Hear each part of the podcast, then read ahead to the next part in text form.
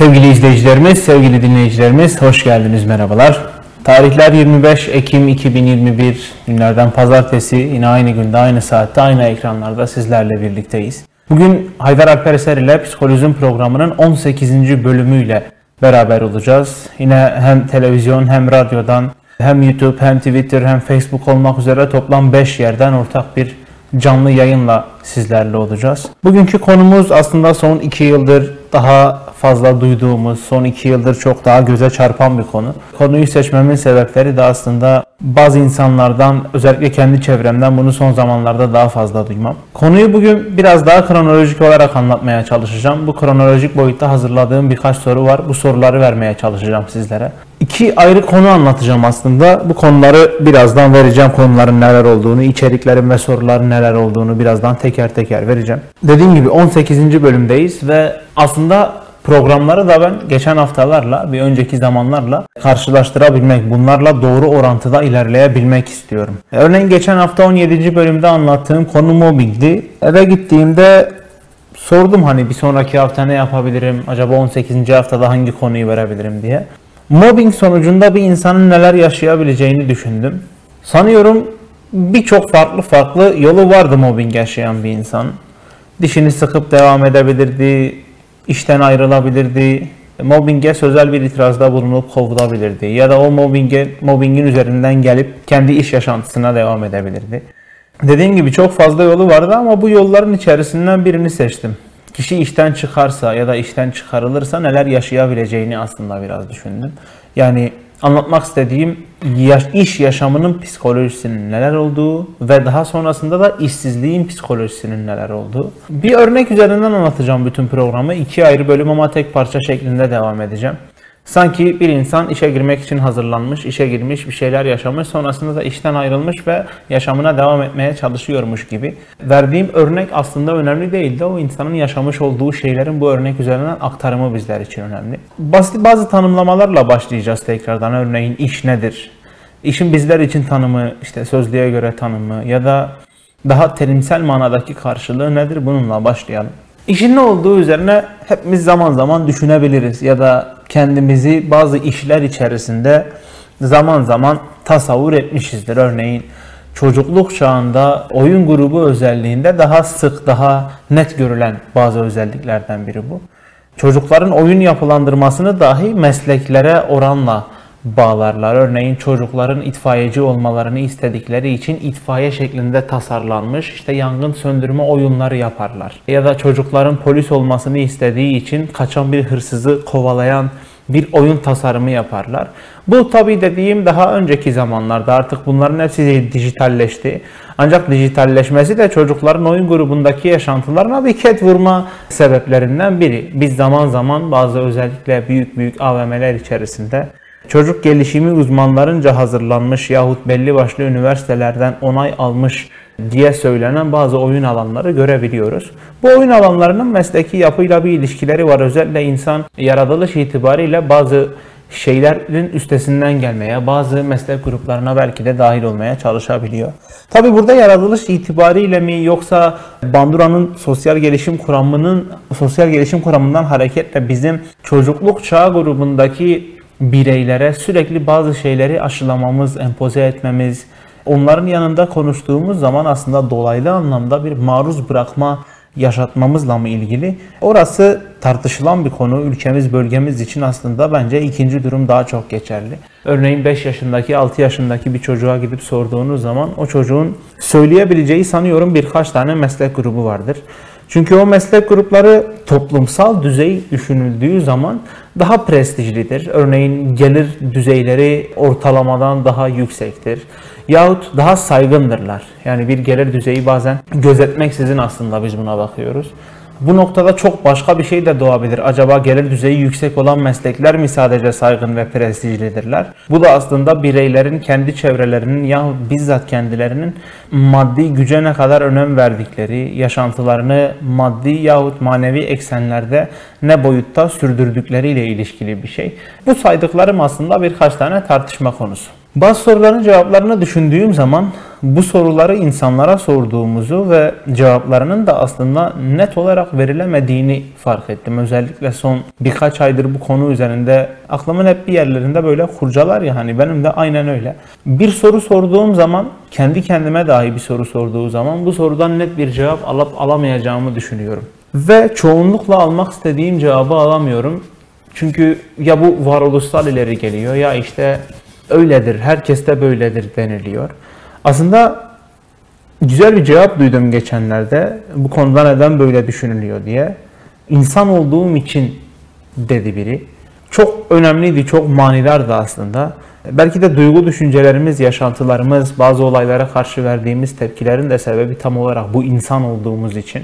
Çünkü insan olmak bir yerde sorgulanması gereken, bir yerde tartışılması, eleştirilmesi gereken bir alan bence. Peki bu insan olmanın dışında bu insanların çalışmış olduğu işlerle ilişkisi nasıl? İnsanın işe bakış açısı nasıl? İş nedir? Öncelikle bunun bir tanımıyla başlayalım kısaca. İş bireylerin kendi hayatlarını ekonomik anlamda başta olmak üzere sosyal, psikolojik yahut daha toplum odaklı bir bilinç ile idame ettirebilme yollarının tümü. Birey hayatının hayatından belli bir emek, belli bir zaman veriyor ve bir amaca yönelik hareket gerçekleştiriyor. Örneğin amacı o şirketin aylık hedeflerini geçen aya göre %125 oranında büyütebilmek. Farazi olarak ortaya attığım örneklerden biri olsun. Birey bu bağlamda şirketteki eksikleri, açıkları, geçen ay neleri eksik yaptıklarını yahut geçen aydan bunu aya nazaran neleri yapmaları gerektiğini düşünüyor ve bunları bir eylem içerisine, bir hareket içerisine geçiriyor. Bazen bu tek olmak zorunda değil. Bazen bu bir grup içerisinde daha etkileşimsel bazda da olabilir. Bu noktada aslında mesleklerin birbirlerinden ayrımlarını da düşünebiliriz. Örneğin biz mühendisleri hiç sosyal ilişkiler içerisinde olmayan, hiç insanlarla ilişkide olmayan, işte makinelerle sadece hayatını devam ettiren bir meslek grubu olarak tanıyoruz belki de. Ama mühendislerin yaptığı şeyler insanlar için. Bu noktada aslında insan kaynaklarının mühendislere, mühendislerinin de insan kaynaklarına çok fazla ihtiyacı var. Toplumsal düzeyde düşündüğümüz zaman da bireylerin aslında birbirleriyle olan etkileşimlerini, açıklarını kapatma yönündeki o duygularını doğuran temel yer burası. Peki insan neden işe ihtiyaç duyar? İş bir ihtiyaç mıdır yoksa zaruriyet midir? Belki bu soruyu daha önce sormalıydım. İş bir ihtiyaç mı yoksa zaruriyet mi? Yani insanlar sadece darboğaza girdiği için yahut canları sıkıldığı için mi çalışıyor? İşin insanlara ekonomi dışında sağlamış olacağı bir kar var mı? Varsa bunlar neler? Şimdi Geçen hafta aslında uykuyla ilgili bir süreci anlattığım zaman işte günlük 8 saate yakın işte uyuruz demiştim geçen haftalarda.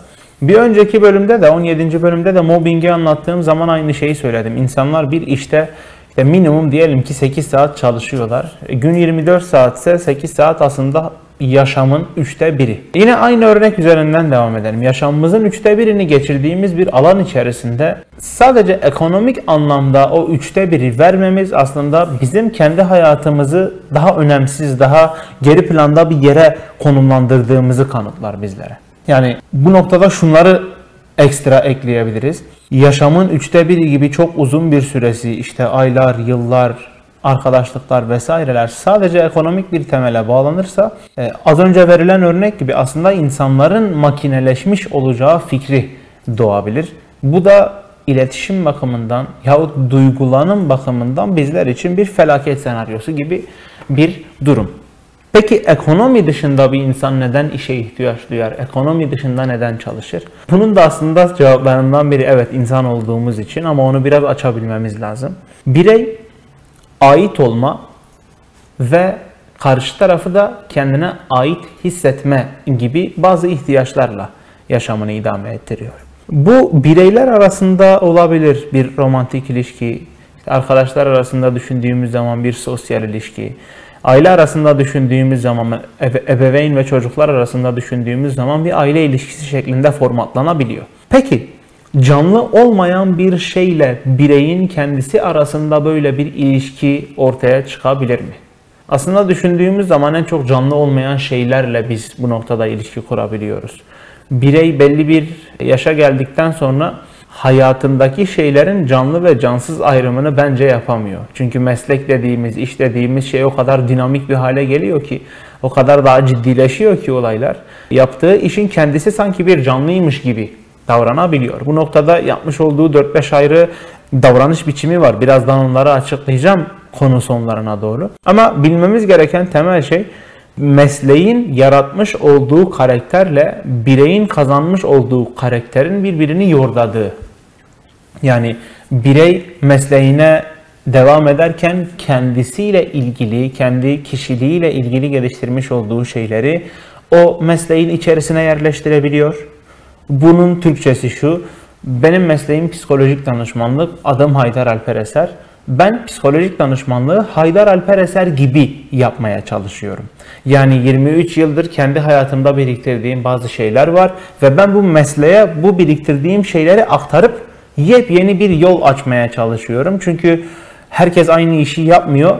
İş tanımları ya da iş yapım şekilleri birbirlerinden çok farklı yordayıcıdır dedim. Yani iki boyutta da aslında birbirine etki ediyor. İkinci boyutu da şu. Yine aynı örnek üzerinden devam edeyim. Benim işte dediğim gibi 23 yıldır biriktirmiş olduğum bazı şeyler var. İşte doğuştan getirdiğim bir mizacım ve sonrasında edinmiş olduğum bir karakterim var. Psikolojik danışmanlık mesleğinin de kendine dair bir karakteri, istekleri, karşı tarafa vermek istedikleri bazı alanlar var. Psikolojik danışma bir meslek olarak canlı bir şeyden söz etmiyoruz. Ama o kadar dinamik hale geldi ki özellikle yılların gelişmesiyle ilişkilerin farklı farklı fraksiyonlara bölünmesiyle meslekler o kadar dinamik hale geldi ki sanki psikolojik danışmanlık canlı bir varlıkmış gibi aynı şekilde benim üzerime etki edebiliyor. Yani ben mesleği kendi bildiğim şekilde yapmak istiyorum. Meslekte hayır diyor sen aslında e, kendi yaşantını benim istediğim şekle getireceksin.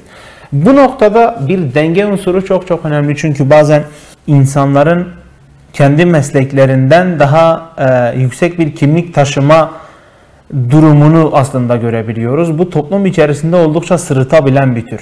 Ya da tam tersi meslekler o kadar büyüyor ki insanları kendi karakterlerinin önüne geçiyor. Birey mesela oturduğu zaman kendi mesleği dışında konuşamayabiliyor. Ya da kendi hayatıyla ilgili verdiği örnekleri dahi kendi mesleği üzerinden aktarabiliyor. E biz ilk başta ne sormuştuk? İlk başta demiştik ki ya bu iş dediğimiz şey, meslek dediğimiz şey sadece ekonomik kaygılar üzerinden yapılan bir şey mi? Hayır. Yaklaşık olarak 15 dakikadır anlattığım şey aslında bunun farklı farklı alanlarda ve özellikle psikolojik alanda bir tatmin, bir doyum, bir fit dediğimiz geri besleme özelliği insanlara kazandırabiliyor.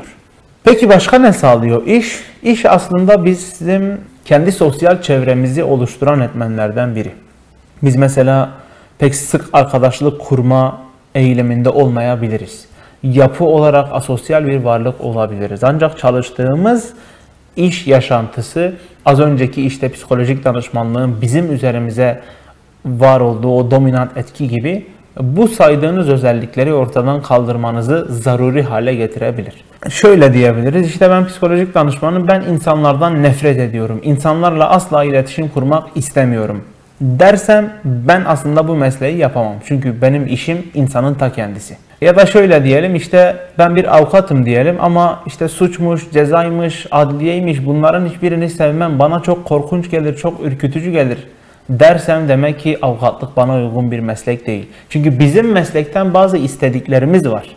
Bazı beklentilerimiz var aslında istekten ziyade, istençten ziyade beklentilerimiz var. Bunun olduğu gibi mesleğin de o bireyin kendi üzerinde bazı beklentileri var. Yani meslek aslında bir canlı olup size şunu sorabiliyor. İşte Ahmet Bey siz bir kanal yönetmek istiyorsunuz ama bu kanal yönetme ile ilgili şu şu şu kriterleriniz var mı? Ya da işte daha önceki yaşantınızda şunları şunları yapabildiniz mi? Yapamadınız mı? O zaman kanal yönetmek pek de size uygun bir meslek değil meslekle ilgili konuştuğumuz zaman özellikle kariyer psikolojik danışmanlığı alanında biz Yine işte lise dönemlerinde hangi alandaki liselerin seçilmesi gerektiğine dair ya da üniversite dönemine üniversiteye geçerken sınav sonrasında işte hangi üniversitenin hangi şehrin seçilmesi gerektiğine dair bireyin kendi karakteriyle üniversitenin ya da o bölümün karakterleri arasında bir uygulama yakalamaya çalışıyoruz. Bazen bunları bir tipoloji üzerinden yapıyoruz. Bazen bunları işte bireysel analizler üzerinden yapıyoruz. En yaygınlarından biri Holland diye bir tane amca var bizim alanda. Bu kariyer psikolojik danışmanlığı alanında. Onun ortaya atmış olduğu mesleki tipolojidir. Bazı şeyleri farklı farklı alanlara böler. Siz kendi karakterinizde en yakın olan hangisiyse o meslek grubu içerisinde yer alıp almamayı seçersiniz. Bir zaruriyet yine yoktur. Çok basit özetleyeyim şimdiye kadar anlattıklarımı. İşin basit bir tanımını verdim. İşin tanımından sonra bunun sadece ekonomik bir beklentiyle ortaya çıkmadığını anladım. Bunun sosyal yaşamda bazı etkilerinin olduğunu, bunun aslında bizim kendi işte arkadaşlık ilişkilerimizi yahut tüm iletişim biçimlerimizi yordadığını hem bizim hem de onun karşılıklı iki taraflı olarak birbirimizi yordadığımızı söyledim. Psikolojik anlamda çalışmanın iş yaşamının çok fazla etkisi olduğunu ve bireyi bir yerden başka bir yere getirdiğini söyledim. Bu noktada psikolojik yaşamı çok az daha açabilirim. Yaptığı şeylerden biri de şu. Bireyin bazı aslında haz odaklı yahut belki de o yapmış olacağı id odaklı bazı eksikliklerini doyurmaya yarayan bir şey iş. Yani birey o işi yaptığı zaman aslında kendiyle ilgili bazı şeyleri keşfettiği gibi keşfedemediği yahut keşfetmemesi gerektiği o karanlık tarafları, o kötücül yönleri de o iş devam ederken atıp sonraki yaşantısına o karanlık taraflar olmadan devam edebiliyor. Yaptığınız meslekle bunun çok fazla ilişkisi var. Örneğin işiniz devam ederken çok hareketli, çok koşturmacalı bir iş yapıyorsanız tahminimdir birikmiş olan bir öfkeniz vesaireniz varsa o öfkenizin bir kısmını o iş sırasında atıp iş bitiminde kendi hayatınıza, kendi yaşantınıza o şekilde devam edebilirsiniz. Bu şu demek aslında. Beden ve psikoloji birbirini ne kadar yorduyorsa iş dediğimiz şeyde hem beden hem de psikolojinin etkileri olduğu için bu ikisini birden yordamış oluyor. Yani sadece bir meslek dediğimiz şey aslında bireyin belki kendisi kadar önemli. Az önce sözünü ettiğim kariyer psikolojik danışmanlığı alanından birçok insan şunu der. Kariyer psikolojik danışmanlığı bireysel psikolojik danışmanlık alanından. Yani biraz daha uç örnek vereceğim ki daha net anlayabilelim. Kariyer alanındaki psikolojik bilgiler normal alandaki psikolojik bilgilerden çok daha fazladır, çok daha önemlidir, büyüktür derler. İnsanlar doğru bir kariyere yönlendirildiği zaman kendi kişiliklerini de doğru oturturlar derler. Tabi bununla ilgili alan yazımında çok fazla eleştiriler, işte çarpıtmalar vesaireler var. Ancak o perspektifle bakabilirsek bunun bu şekilde devam ettiğini ve iş yaşantısının bireylerin kendi yaşantıları için ne kadar elzem olduğunu söyleyebiliriz. Peki bununla ilgili neler neler aktarabiliriz, başka neler söyleyebiliriz? Şimdi insanların kendini nasıl tanıdığıyla ilgili bir nokta iş aslında. Birey bazen o işe başladığı zaman kendini tanıyamayabiliyor iş devamında aslında kendi kendini tanıyabiliyor. Ne demek kendini tanımak? Kendi özelliklerini, kendi yeteneklerini belki de keşfetmek, kendi duygularını bilmek, bunları kontrol edebilmek. Sosyal bir toplum içerisine girdiği zaman o toplumda sırıtmayacak, norm dediğimiz herkes tarafından kabul görülen fikir, düşünce, davranış ve yapılara uygun hale gelebilecek bir birey haline gelebiliyor.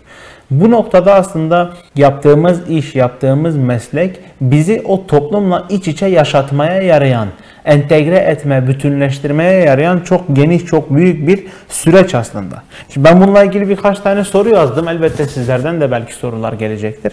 Ee, ama bu sorulardan bazılarını sorup bu noktada cevaplamaya çalışacağım. İşin içerisinde olduğumuz zaman, devam ettiğimiz zaman bizim psikolojimiz nasıl etkileniyor? Birincisi rutin her zaman insana iyi gelen bir şey rutinin devam etmesi insana iyi gelen, rutinin sekteye uğraması, rutinin dışına çıkılması insanı aslında o e, kopuşu öğreten, varoluşsal anlamda bir boşluğun içerisine düşüren bir kavram. Sanıyorum birçok iş aslında sizden bir rutin bekler. Eğer iş kendi işiniz değilse yahut nitelikli bir patron değilseniz çünkü birçok patron da rutinle hayatlarına devam ederler. Bu rutin insana bir öz disiplin becerisi kazandırıyor. Ne demek öz disiplin? Disiplini zaten biliyoruz. Bunun bireyin kendi kendine karşı uygulayıcı hale getirebilmesi. Yani şu kendi kendini kontrol ettirebilmesi, edebilmesi. Bu noktada da aslında iş bize ayrıca olumlu bir yapı verecek.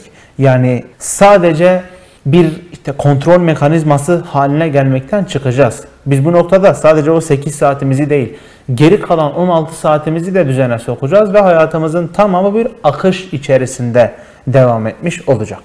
Devam ediyorum. Ekonomik gücün dışında bazı şeyler var. Mesela bunun statü mü, güç mü, işte duygu kullanımı ne verdiğiyle ilgili bir soru var mesela. Onu da birazdan cevaplayayım. Bir gelen soruyu var onu alayım sonra devam edelim. Şenay Gezen sormuş sağ olsun var olsun bizleri izliyor, takip ediyor. Teşekkür ederim kendisine. Her şey teknoloji ağırlıklı gittiği için insan gücüne ihtiyaç gün geçtikçe azalıyor demiş. Bu noktada gelecekte bizi neler bekliyor? Aslında e, bu çok uzun yıllardır. Yani benim ömrümün yettiği kadarıyla 2000'lerin başındandır neredeyse yavaş yavaş tartışılan bir kavram. Ama son zamanlarda sesi daha da arttı. Son zamanlarda bu tartışma daha da hiddetlendi. İnsan gücüne olan talep azalınca bazı mesleklerin gerçekten önünün kapandığını söyleyebiliriz. Bir örnek vardır mesela işte helikopterin içerisinde bir tane kameraman aşağıda olan biteni çekmeye çalışır. Daha sonrasında drone icat edildikten sonra ikisinin de işsiz kaldığını söylerler. Hem helikopteri kullanan kişi işsiz kalmıştır hem kameraman işsiz kalmıştır. Çünkü ikisinin de işini sadece drone tek başına yapabiliyordur. Ayrıca o drone'u kullanmak ya da o drone'un kendisi işte helikopterin kendisinden, yakıt masraflarından, kameramanın maaşından yahut kameranın ekonomik anlamdaki tutarından çok daha az bir maliyettedir. İşveren için düşündüğünüz zaman ya da o işi tasarlayan kişiler için düşündüğünüz zaman drone kullanmak iki kişi çalıştırıp çok fazla harcama yapmaktan daha önemlidir. Bu noktada kendi kendimizi sormalıyız. Kendi kendimizi sorgulamalıyız. Şenay Hoca'nın sorduğu soru çok kıymetli bir soru çünkü önümüzdeki zamanlarda da ne olacağıyla ilgili bir soru. Yani 10 yıl sonra da belki bu soru sorulacak. Ama şu çok önemli. Hiçbir zaman modası, teknolojik bir gelişimden etkilenmemesi gereken bir meslek seçmeliyiz aslında. Ya da kendi mesleğimizi ona göre şekillendirmeli, dönüştürmeliyiz. Örneğin çiftçileri düşündüğümüz zaman, tarlada çalışan işçileri düşündüğümüz zaman birçok tarımsal alet aslında onların işini yapabiliyor. Bu, aa benim işim bitti ben ne yapacağım, işsiz kalacağım kaygısı yaratacağına aslında ya ben bu işi nasıl daha farklı yapabilirim kaygısı yaratabilir. Aslında küçük işletmelerin bu noktada çaresiz kaldığını ve çareyi büyük işletmelere entegre olarak bulduğunu görüyoruz sosyal yaşantı içerisinde. Ama önemli olan sizin bedensel becerileriniz, kaç kilo yük taşıyabildiğiniz değil. Önemli olan sizin fikirlerinizdir. Fikirlerinizle siz bunların hepsini kontrol edebilirsiniz. Bu ağırlıkları aslında nasıl kaldırılabileceğine dair bir fikir ortaya atabilirsiniz. Yeni bir yol getirebilirsiniz. Çiftçi uzun yıllardır o işin içerisindedir. O ekeceği üründen alınan verimi nasıl arttıracağını bilir. Sonrasında bir ARGE çalışması yaparak yahut bir destekle bunu yaptırarak kendine ait bir şey üretebilir, bir şey icat edebilir. Ya da yeterli bir tecrübeden sonra bazı şeyleri keşfedebilir. Bu bireyi dönüştürmeye, entegre olmaya iter. Değişimi yönetebilmeye iter. Bizim aslında bu noktada korkmamız gereken işsiz kalmak, bizim elimizden bazı şeylerin gitmesi değil. Bizim burada korktuğumuz nokta bence değişimi yönetemememiz.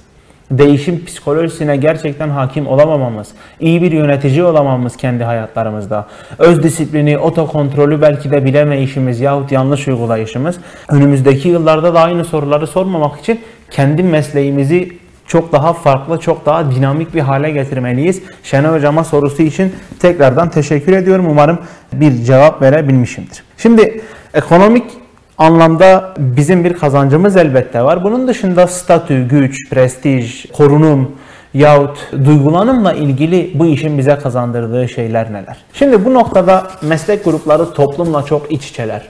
Mesleklerin elbette kendilerine ait bazı özellikleri vardır ama toplumlar bazen mesleklere çok daha ciddi değerler atfederler. Örneğin ebelik mesleğinin elbette bir karşılığı vardır. Ancak toplum tarafından düşündüğümüz zaman ebelik daha kutsaldır, daha kıymetlidir. Yani ebelik toplum tarafından belirli bir maaş ödenerek yaptırılabilecek bir iş değildir. Çünkü işte annenin en zor zamanında koşan ve o anneye hem yapması gereken iş bakımından hem de telkin bakımından ciddi anlamda yardımcı olan kişidir. Belki de o insan hayatını ona borçludur gibi bir algıyla ebelik mesleği normal meslek türlerine göre daha üst kısımlara konumlandırılabilmiştir. Ya da işte aynı şekilde doktorluk mesleğini bu noktada düşünebiliriz. Yahut az önceki soruya istinaden işte dijital yazılım, bilgisayar programcılığı, grafik tasarım, sosyal medya uzmanlığı, medya okur yazarlığı gibi farklı farklı alanları e, önümüzdeki dönemlerde işte daha farklı, daha iyi yerlere gelebileceğini düşünebiliriz. Anneannelerimiz, babaannelerimiz telefon kullanıyorlar artık ve o telefonlarda bir yerde gelip bir tıkanma yaşayabiliyorlar. O noktada evdeki genç üyelere ya da o teknolojik mekanizmayı bilen üyelere ihtiyacımız var. Düşünün ev içerisinde bile durum böyleyse toplumun sizlere bakış açılarını bir de siz tahayyül edin. Yani toplum için siz aslında çok daha değerli olacaksınız. Toplum için çok daha önde olacaksınız.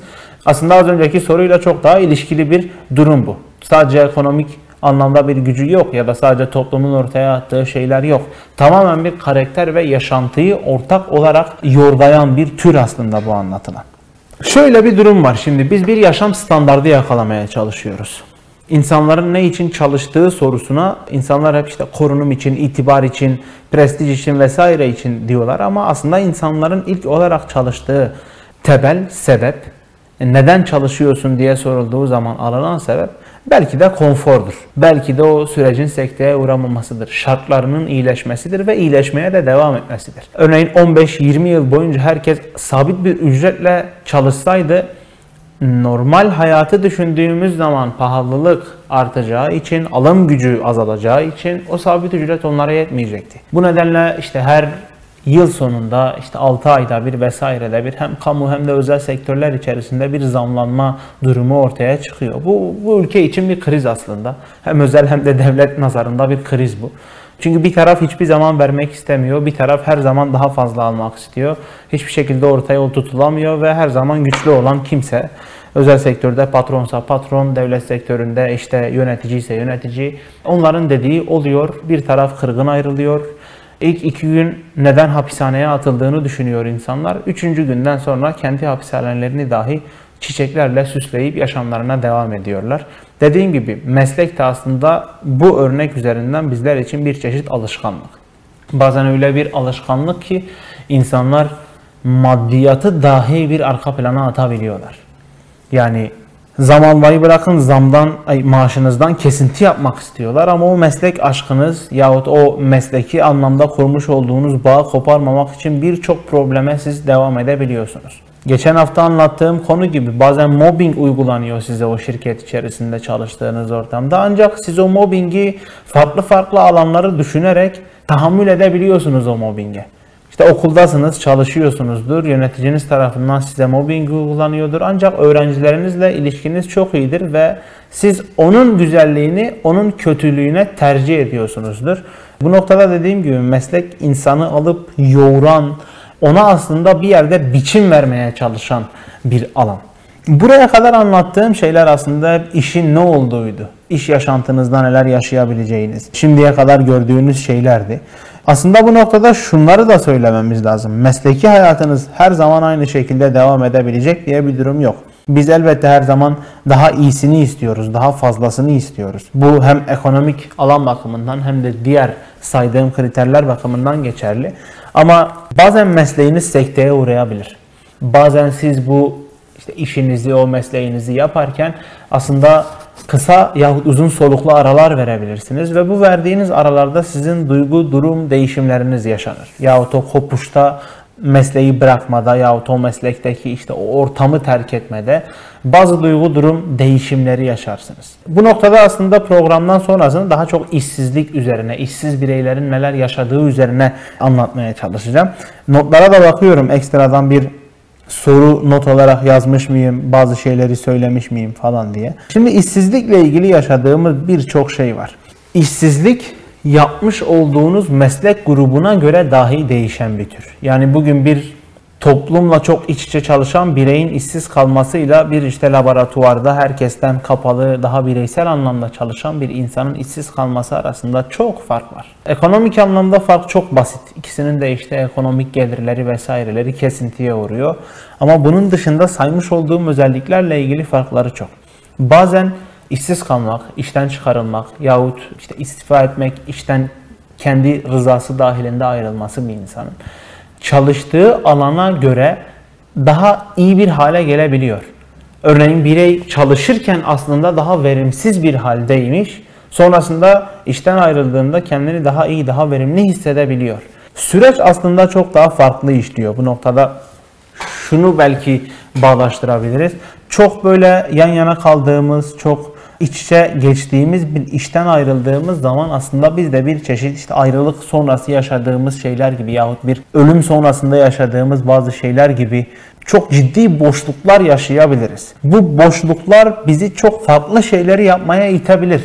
Örneğin işsiz kalan bir birey ya da bir toplum düşündüğümüz zaman toplumdaki işsizlik oranı arttıkça öfke patlamaları, öfkeyi kontrol edememe durumları daha fazla artabiliyor. Bu durum insanları suça itebiliyor.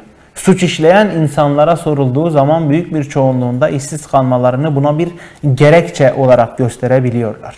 Birey ekonomik bir darboğaza girdiği zaman ekonomik bir refah içerisine girmeyi arzuluyor. Ekonomik bir refah içerisinde olanları kendi iç dünyasında cezalandırmaya çalışıyor. Bu noktada bir bakıyorsunuz hırsızlık gelişmiş, darp gelişmiş vesaire gelişmiş. Çok farklı alanlarda bu bir suç, bu bir olumsuz davranış haline itilebiliyor. Bir es verelim hemen bir soru alalım buradan. Kenan Tatlı sormuş sağ olsun var olsun bizi izlediği için. İşsizliğin ne anlama geldiğini çok iyi biliyorum. Konu çok güzel anlatım ve ifadeniz ise muhteşem. Sevgiyle kalınız demiş. Hürmet ediyoruz Kenan Bey'e. Umuyorum hayatının geri kalanında işsizliğin ne anlama geldiğini unutur. Umuyorum işsizlik bundan sonra onun dünyasına bu denli tesir etmez. Teveccüh buyurmuş sağ olsun var olsun. Saygılar sunalım devam edelim. Şöyle bir soru duydum. İşsizlik bireyi politik anlamdaki düşüncesinden uzaklaştırabilir mi?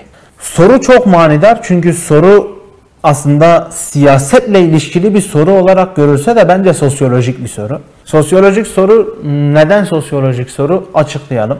Birey işsiz kaldığı zaman eski düzeniyle yani işinin olduğu düzenle şimdiki düzenini bir kıyas eğilimine girebiliyor, karşılaştırabiliyor. Bundan hareketle şunu görüyoruz. Ben işim olduğu zamanlarda daha iyiydim. Yönetim sürecimiz kötüye gitti. Artık daha iyi bir işte hükümet düzeni, yönetim düzeni artık ne deniyorsa onu istiyorum. Benim işsiz kalmamın sebebi, müsebbibi onlardır. Bu şunun gibi ayrılık sonrasında ya da yaz sonrasında biz bazı evreler anlatmıştık. Bu evrelerden anlattığım öfke evresinin işte bir üst kademeye aktarılması gibi, hissettirilmesi gibi. Aslında birey sırf bundan hareketle politik düşüncesini, siyasi eğilimini değiştirebiliyor. Ki yapılan şey aslında bireyi belki daha hissettiren, daha iyi hissettirmeye yarayan bir seçenek. Yani kilitli kalmış, kapalı kalmış bir durumda birey bunu yaparak belki de kendi iç dünyasında daha iyi bir yer açabiliyor kendine. Dediğim gibi biz yargılamıyoruz ancak yapılan şeyin bir mantık temeli üzerine oturtulduğunu söyleyebilirim. Bir soru daha geldi. Soruyu hemen alalım sonrasında devam edelim yavaş yavaş. Çocuklarımızı neden zorla istemedikleri bir meslek sahibi olmak için uğraştırıyoruz. Bu konuda zorlaştırmayalım. Ne iş onları mutlu ederse ona yönlendirilmeli demiş. Bir yorum getirmiş aslında Özcan Sevgi Önal. Sağ olsun var olsun bizi takip ettiği, izlediği için. Yorumu çok kıymetli aslında çocukluk çağında özellikle 8 ve 12. sınıftaki çocuklarınız varsa yani lise seçiminde ya üniversite seçimindeki ki üniversite seçiminde daha ağır görülüyor bu çünkü artık bir meslek olacağı için onun kendi karakteri üzerinden şekillendiğini düşünüyoruz. Onları zorlamamamız lazım. Onlara kendi fikirlerimizi, kendi düşüncelerimizi empoze etmememiz lazım. Dediğiniz çok doğru ancak bu noktada da toplumsal olarak düşündüğümüzde şunu göreceğiz. Toplum bazı meslekleri bazı mesleklerden daha kayırıcı bulabiliyor, daha net, daha prestijli bulabiliyor. Yahut sadece ekonomik temelden dolayı aileler çocukları için bazı meslekleri isteyebiliyor. Bu noktada e, soru cevap yaptığım tüm ailelerde özellikle ebeveynlerden duyduğum şey bu. Ya hocam Allah aşkına kimse çocuğunun kötülüğünü ister. Bu biraz daha tabii bizim sorduğumuz soru gibi hani sonunda bir soru kalıbı yok mu mi eki ve soru işaretiyor. Aslında dedikleri şey doğru. Hiç kim hiçbirimiz çocuğumuzun, evlatlarımızın, kardeşlerimizin, işte aile üyelerimizin, tanıdıklarımızın kötülüğünü istemiyoruz. Ama onların kötülüğünü istemediğimiz o an onlara yansımıyor. Çünkü biz onlar gibi değiliz. Onların ne istediği, onların ne düşündüğü, gelecekle ilgili kurmuş oldukları sürecin nasıl şekilleneceği çok önemli. Bu noktada da uygun bir iletişimle birbirimizi anlayarak, dinleyerek aslında süreci yönetebiliriz. Tekrardan yorumu için teşekkür ederim. Sağ olsun, var olsun. İşsizliğin bireylerin politik düşüncelerini, siyasi duruşlarını değiştirebileceğini söyledik aslında. Bu bir korku. Bu çalışma hayatı içerisinde çok büyük bir korkudur. Acaba işsiz kalır mıyım? İşsiz kalırsam ne olacak? İş benim için ne demek? Özellikle uzun yıllar çalıştıktan sonra yahut bir iş sizin için çok manidar, çok kıymetli hale geldikten sonra biz şunu deriz çalışırken kurulmaması gereken kadar bir bağ kurduktan sonra e, hani dedim ya sanki canlı bir şeymiş de dinamik bir haldeymiş biz ona böyle gönül bağı gibi bir bağ kurmuşuz gibi. Bundan sonra aslında hani geri dönüş biraz çok zor.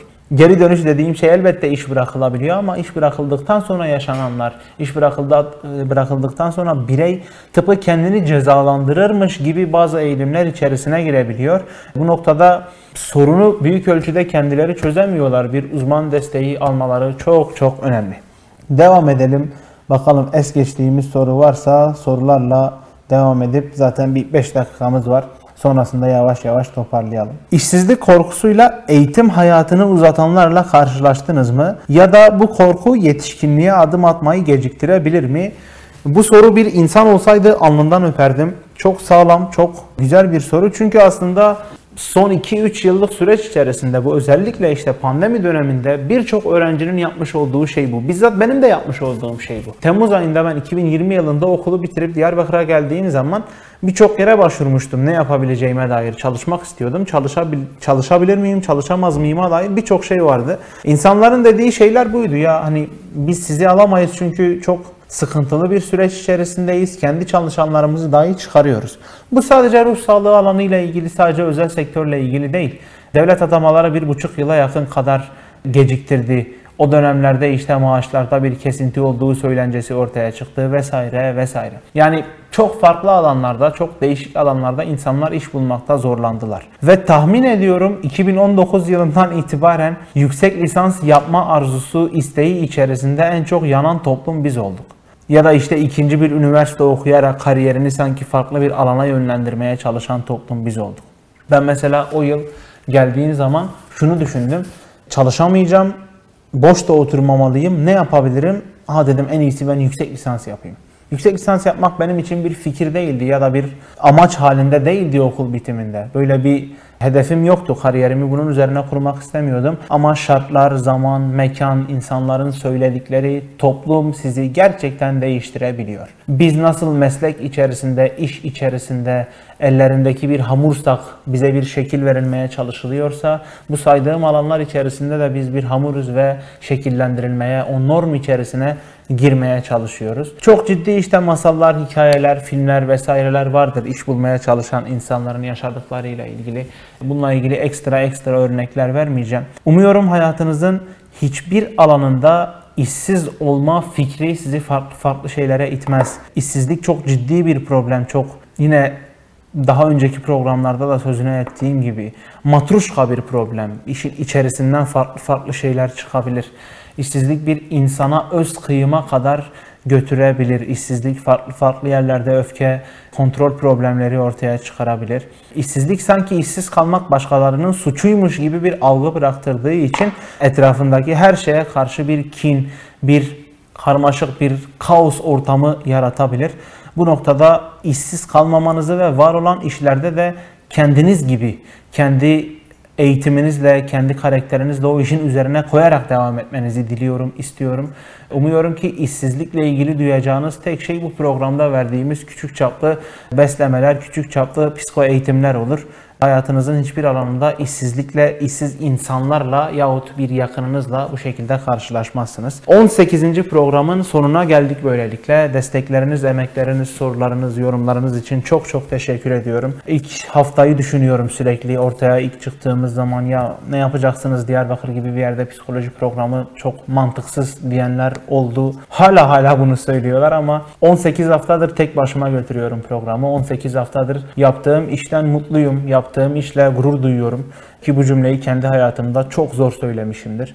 Umuyorum bir bilinç oluşturabilmişizdir. Umuyorum psikolojinin de konuşulabilmesi, muhabbet edilmesi, üzerine çıkarımlar yapılabilmesi ve kendi hayatlarımızı çok daha iyi yönde yönlendirmeye çalışan bir alan olduğunu, öcü olmadığımızı, bizden korkmamanız gerektiğini, bize daha iyi yaklaşabileceğinizi, sorular sorabileceğinizi anlatabilmişimdir. Normal olmayan bir şeyi normalleştirmeye çalışıyorum. Umarım bunu yapabilmişimdir. Önümüzdeki hafta ilk kez konuk alacağım. 19. programımızda bir konuğumuz olacak. Onun da açıklamasını yapayım. Geçen hafta bir sonraki haftayı düşündüğüm zaman adli psikolojiyle, suçla, cezayla, kaçışla ilgili bazı şeyler üzerine çalışma yapmayı düşünmüştüm. Bu noktada bir avukat alırsam, aktif çalışan bir avukat alırsam işte konuk olarak benim yanımda bazı şeylerle ilgili en azından hukuki boyutunu da öğrenebiliriz. O da zihinlerimizi farklı bir açıdan berraklaştırabilir diye düşünmüştüm. Eski bir tanıdığımdır, çocukluktan bir arkadaşımdır, dostumdur, abimdir her şeyden öte. Sevgili avukat Cihat Gökçe'yi önümüzdeki hafta 19. bölümde konuk edeceğiz. Önümüzdeki hafta daha güzel, daha iyi bir ruh hali içerisinde konuğumuzla beraber oluruz. O güne kadar görüşmeye dek kendinize çok çok iyi bakın. Hepinize sevgiler, selamlar, iyi akşamlar diliyorum.